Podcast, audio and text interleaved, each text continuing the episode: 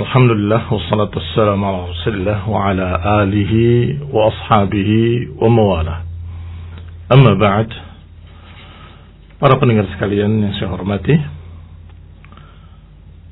kita kemarin sudah bahas muqaddimah dari Imam An-Nawawi rahimahullah yaitu pada intinya beliau menyatakan bahwa kehidupan di dunia ini sementara dan Allah Subhanahu wa taala sudah menyebutkan hikmah dari penciptaan manusia dan jin yaitu dalam ayat wa ma khalaqtul jinna wal insa illa liya'budun. Tidaklah aku menciptakan jin dan manusia kecuali agar mereka beribadah kepadaku. Berarti tujuan hidup kita di dunia adalah ibadah kepada Allah Subhanahu wa taala. Adapun usaha-usaha mencari maisha, berdagang, bekerja, itu semua hanya untuk menunjang kehidupan. Tetapi kehidupannya untuk beribadah kepada Allah Subhanahu wa taala. Kemudian beliau bawakan juga untayan syair yang sangat indah yaitu kalimat dari seorang penyair yang menyatakan Inna lillahi ibad ibadan futana. Bahwa Allah memiliki hamba-hamba yang cerdas. Talakud dunia wa khaful fitana. Yang mereka mentalak dunia dan takut kepada fitnah-fitnah dunia. Nabaru fiha falamma alimu annaha laysat lihayyin watana. Mereka memandang pada dunia ini semuanya. Ketika mereka tahu bahwa dunia ini bukan tempat untuk tinggal selama-lamanya, ja'aluha lujjatan. Mereka jadikan dunia ini sebagai lautan dan mereka menjadikan amal saleh sebagai perahunya. Demikian yang dibawakan oleh Imam Nawawi rahimahullah yang menunjukkan bahwa orang-orang yang cerdas dia memandang dunia ini hanya seperti lautan yang harus diarungi, harus dilewati. Adapun kehidupan yang kekal abadi adalah kehidupan di akhirat nanti. Maka hendaklah memikirkan yang kekal dan jangan terlena dengan kehidupan yang sementara. Kita lanjutkan ucapan An-Nawawi rahimahullah, "Fa kana haluha ma wasaftuhu" Kalau keadaannya seperti yang aku gambarkan ini, kalau keadaannya seperti yang sudah lewat, kata beliau rahimahullahu taala, maka hendaklah seseorang hamba menjalani hidup di dunia ini seperti yang pernah dijalani oleh Rasulullah sallallahu alaihi wa ala alihi wasallam. Kata beliau, jalani at-ta'addub bima sahha an nabiyyina sayyidil awwalin wal akhirin. Hendaklah beradab, berakhlak dengan apa yang telah sahih riwayatnya dari hadis-hadis Nabi Sayyidil Awwalin wal Akhirin sallallahu alaihi wa ala alihi wasallam. Kemudian beliau bawakan pembahasan berikutnya di dalam mukaddimah kata beliau dan Allah sudah berfirman wa ta'awanu 'alal birri wat taqwa. Hendaklah kalian saling bantu membantu dalam kebaikan dan ketakwaan. Surat Al-Maidah ayat 2. Waqad sahha an Rasulillah dan telah sahih pula dari Rasulullah sallam. Hadis, "Wallah fi 'auni al-'abdi, maka al-'abdu fi 'auni akhihi." Allah akan selalu menolong hambanya selama hamba itu menolong saudaranya. Juga hadis yang sahih dari ucapan Rasulullah SAW, "Man dalla ala khairin falahu mithlu ajri fa'ilihi." Siapa yang menunjukkan ke jalan kebaikan, maka dia mendapatkan pahala seperti pahala pelakunya. Dan juga hadis Nabi SAW. Man da'a ila huda, kana lahu minal ajri mislu ujuri man tabi'ahu la yanqusu dhalika min ujurihim syai'a. Siapa yang mengajak kepada petunjuk, kepada jalan yang lurus, maka dia akan mendapatkan pahala seperti pahala mereka yang mengikutinya. tidak berkurang sedikit pun dari pahala mereka. Artinya siapa yang mengajak, menunjukkan ke jalan yang lurus, maka dia mendapatkan pahala seperti pahala orang-orang yang mengikutinya semuanya, sedangkan orang yang mengikutinya tidak dikurangi pahalanya. Hadis-hadis yang sahih yang dibawakan oleh An-Nawawi rahimahullah, yang pertama dan kedua riwayat Muslim dan yang ketiga disebutkan dalam hadis Bukhari rahimahumullah ajma'in. Mengapa beliau membawakan ayat dan hadis-hadis ini? Ayat wa ta'awanu 'alal birri wat taqwa. Ayat yang menyuruh kita untuk bantu membantu dalam kebaikan dan ketakwaan. Kemudian membawakan hadis tentang menolong saudaranya. Allah akan selalu menolong hambanya selama hamba itu menolong saudaranya. Hadis tentang siapa yang menunjukkan pada kebaikan akan mendapatkan pahala seperti orang yang mengerjakan kebaikan tersebut. Siapa yang mengajak berdakwah kepada kebaikan, dia juga akan mendapatkan pahala orang yang mengikutinya dan seterusnya. Karena beliau rahimahullahu taala ingin membantu. Siapa yang ingin berjalan di jalan kebaikan ini, siapa yang ingin menghidupi dunia ini dengan ibadah kepada Allah, maka jalin jalan sunnah Rasul.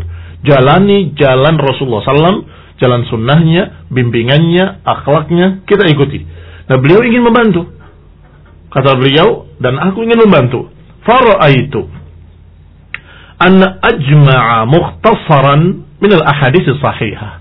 Maka aku melihat, aku memandang perlunya aku kumpulkan hadis-hadis khusus untuk membimbing umat ini agar berjalan di dunia dengan adab Rasul, dengan akhlak Rasul, dengan perangai Rasul, dengan benar-benar jalan yang ditelusuri oleh Rasulullah sallallahu alaihi wa ala alihi wasallam.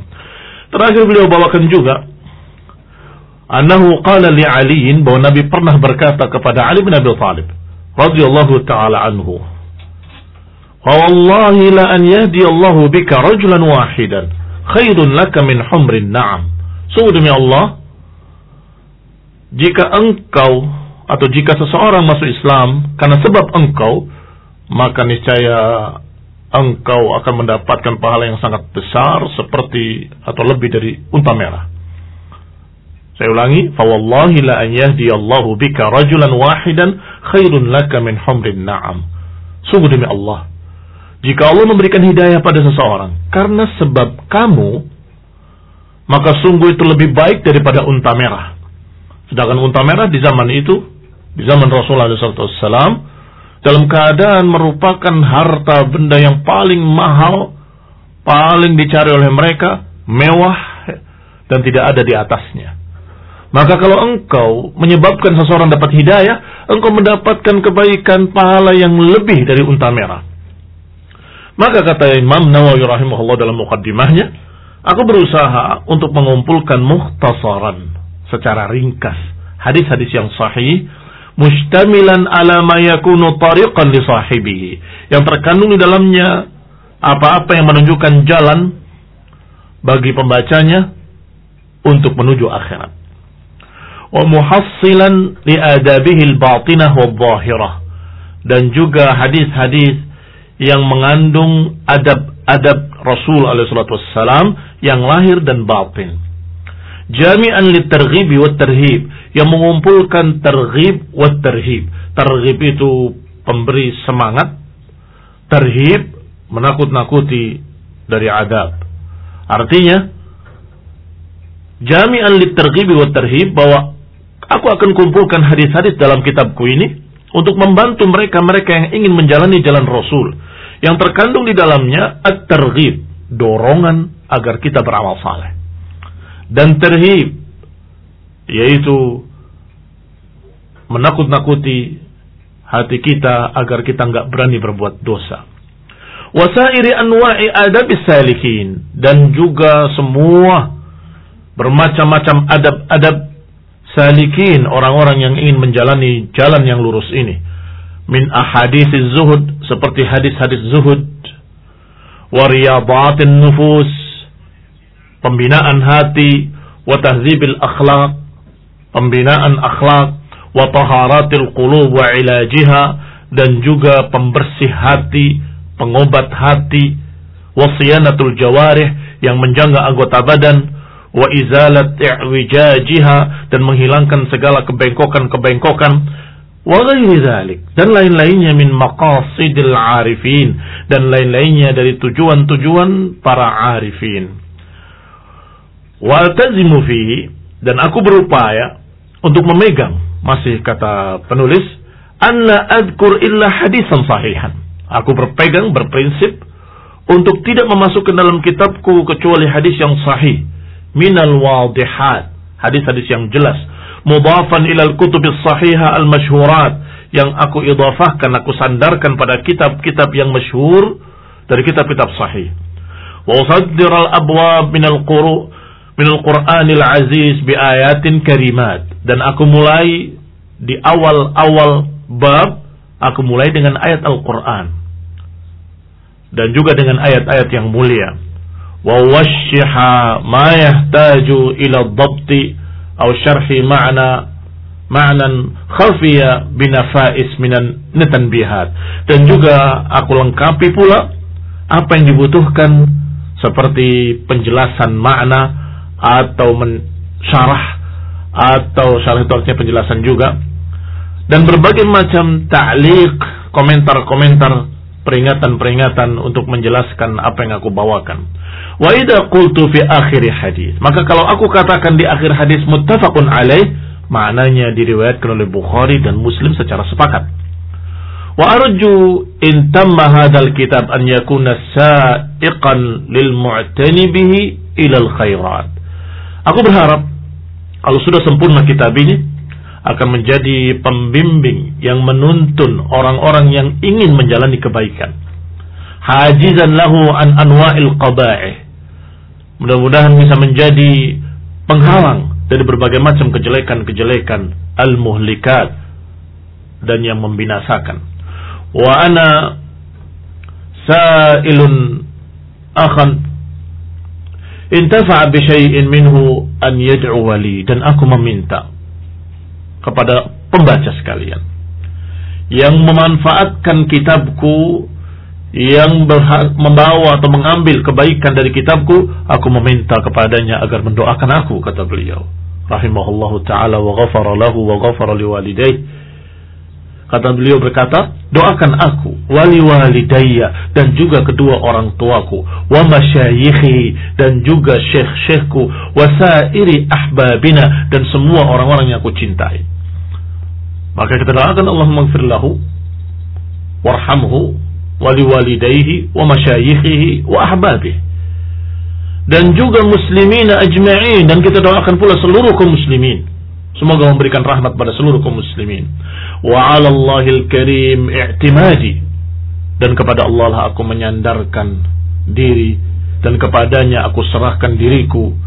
Wa hasbi Allah wa ni'mal wakil. Dan cukup bagiku Allah sebagai tempat aku bertawakal dan bergantung kepadanya. Wala haula wala quwata illa billahil azizil hakim. Alhamdulillah selesai pembahasan mukaddimah dari An-Nawawi rahimahullah dan insyaallah pada pertemuan berikutnya kita akan masuk pada bab pertama yaitu tentang keikhlasan. Allah taala alam bisawab wa sallallahu ala Muhammadin wa ala alihi wa ashabihi wa sallam tasliman katsira. Baik Ustaz, jazakallahu khairan atas nasihatnya dan juga pembahasan dari Qadimah kitab Riyadhus Shalihin. Kita langsung ke acara tanya jawab Ustaz. Eh, bismillah ya. Dari ya tidak sebutkan namanya. Bismillah. Semoga Allah senantiasa merahmati Ustaz. Amin. Afan, mohon nasihatnya Ustaz, bagaimana cara kita mengajarkan anak-anak untuk mencintai Al-Quran? Sudah menghafal, mengkaji, tapi sering kali lalai. Lebih suka membaca buku-buku lain dibandingkan Al-Quran. Jazakallah khairan. Wa anta khairan. Silakan Ustaz. Ya. Dulu di zaman salaf, di zaman para sahabat radhiyallahu alaihim ajma'in, mereka menggunakan papan-papan seperti papan tulis tapi kecil digantungkan di leher anak-anak. Kemudian ditulis di sana ayat. Anak itu dibiarkan bebas seperti layaknya anak-anak, tetapi nanti akan ditagih sudah hafal atau belum. Walaupun tidak harus persis sama dengan kalung seperti itu ya. Tetapi paling tidak kita bisa paham tentang anak-anak itu tergantung umur mereka. Kalau umur-umur itu masih masih anak-anak, biasanya mereka memang senang main. Sehingga cukup dengan diberi satu dua ayat untuk mereka menghafal dan kemudian mereka dibiarkan dalam keadaan seperti layaknya anak-anak tetapi ada satu waktu ada satu tugas yang mereka kerjakan tidak mengapa untuk memberikan e, terhib iming-iming sesuatu kalau engkau hafal engkau akan diberikan ini kalau engkau hafal engkau akan diberikan hadiah ini dan itu tidak mengapa untuk demikian sebagai penyemangat anak-anak wallahu taala a'lam. Baik Ustaz, berikutnya dari Abu Jafid. Bismillah. Assalamualaikum Ustaz. Waalaikumsalam. Assalamualaikum. Sehat ya Ustaz. Alhamdulillah sehat walafiat. Ana ada sedikit pertanyaan. Bagaimanakah jika ada yang mengatakan hidup ini harus seimbang antara dunia dan akhirat? Apakah yang harus kita jawab agar menjadi nasihat yang hikmah terutama jika mengatakan itu adalah orang tua kita. Jazakumullah khair wa antum jazak khairan. Nah, tentunya satu kesalahan besar kalau dikatakan seimbang antara dunia dan akhirat. Karena kehidupan kita di dunia semuanya untuk akhirat. Tetapi jangan lupakan dunia. Demikian bahasa yang ada dalam Al-Quran ketika Allah Subhanahu wa taala menyatakan wabtaghi fima ataqallahu daral akhirah tansa nasibaka minad dunya. Kata Allah, carilah dengan semua apa yang kau punyai, dengan semua apa yang Allah berikan pada kamu dari fasilitas di dunia ini, carilah akhirat.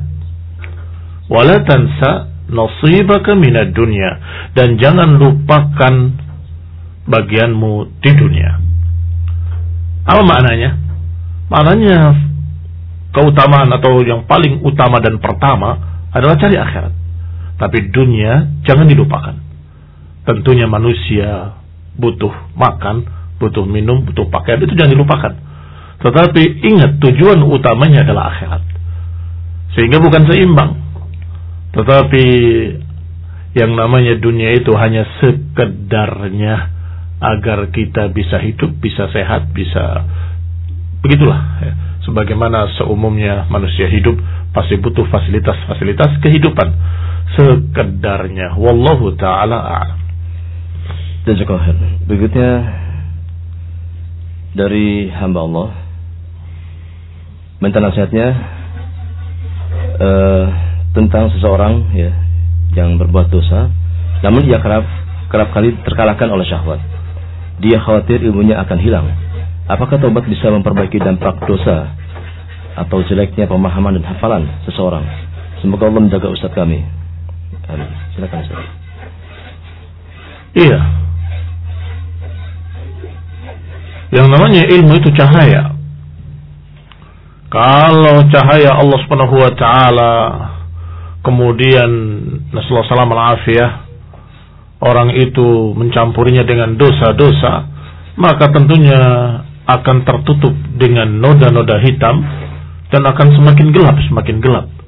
Tergantung seberapa besarnya dosa dan seberapa banyaknya dosa akan redup ilmu tersebut, akan redup cahaya tersebut. Rasulullah SAW Sehingga seorang talibul ilm, seorang santri, pencari ilmu, hendaklah berupaya untuk menjauh dari dosa-dosa dan berupaya untuk beristighfar, meminta ampun pada Allah atas dosa-dosa yang telah dilakukannya.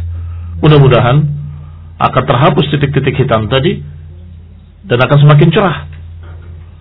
Akan semakin uh, bercahaya ilmunya. Sehingga kalau pertanyaannya apakah bisa memperbaiki dampak dosa jeleknya dengan istighfar, dengan taubat? Nah, bisa. Kalau dia bertaubat, mudah-mudahan ilmunya akan bercahaya kembali. Sehingga hendaklah dia terus talabul ilmi, dan hendaklah dia terus berupaya untuk memperbaiki dirinya, membersihkannya dari dosa-dosa dan kemudian minta ampun pada apa yang sudah lewat. Wallahu taala a'lam bissawab.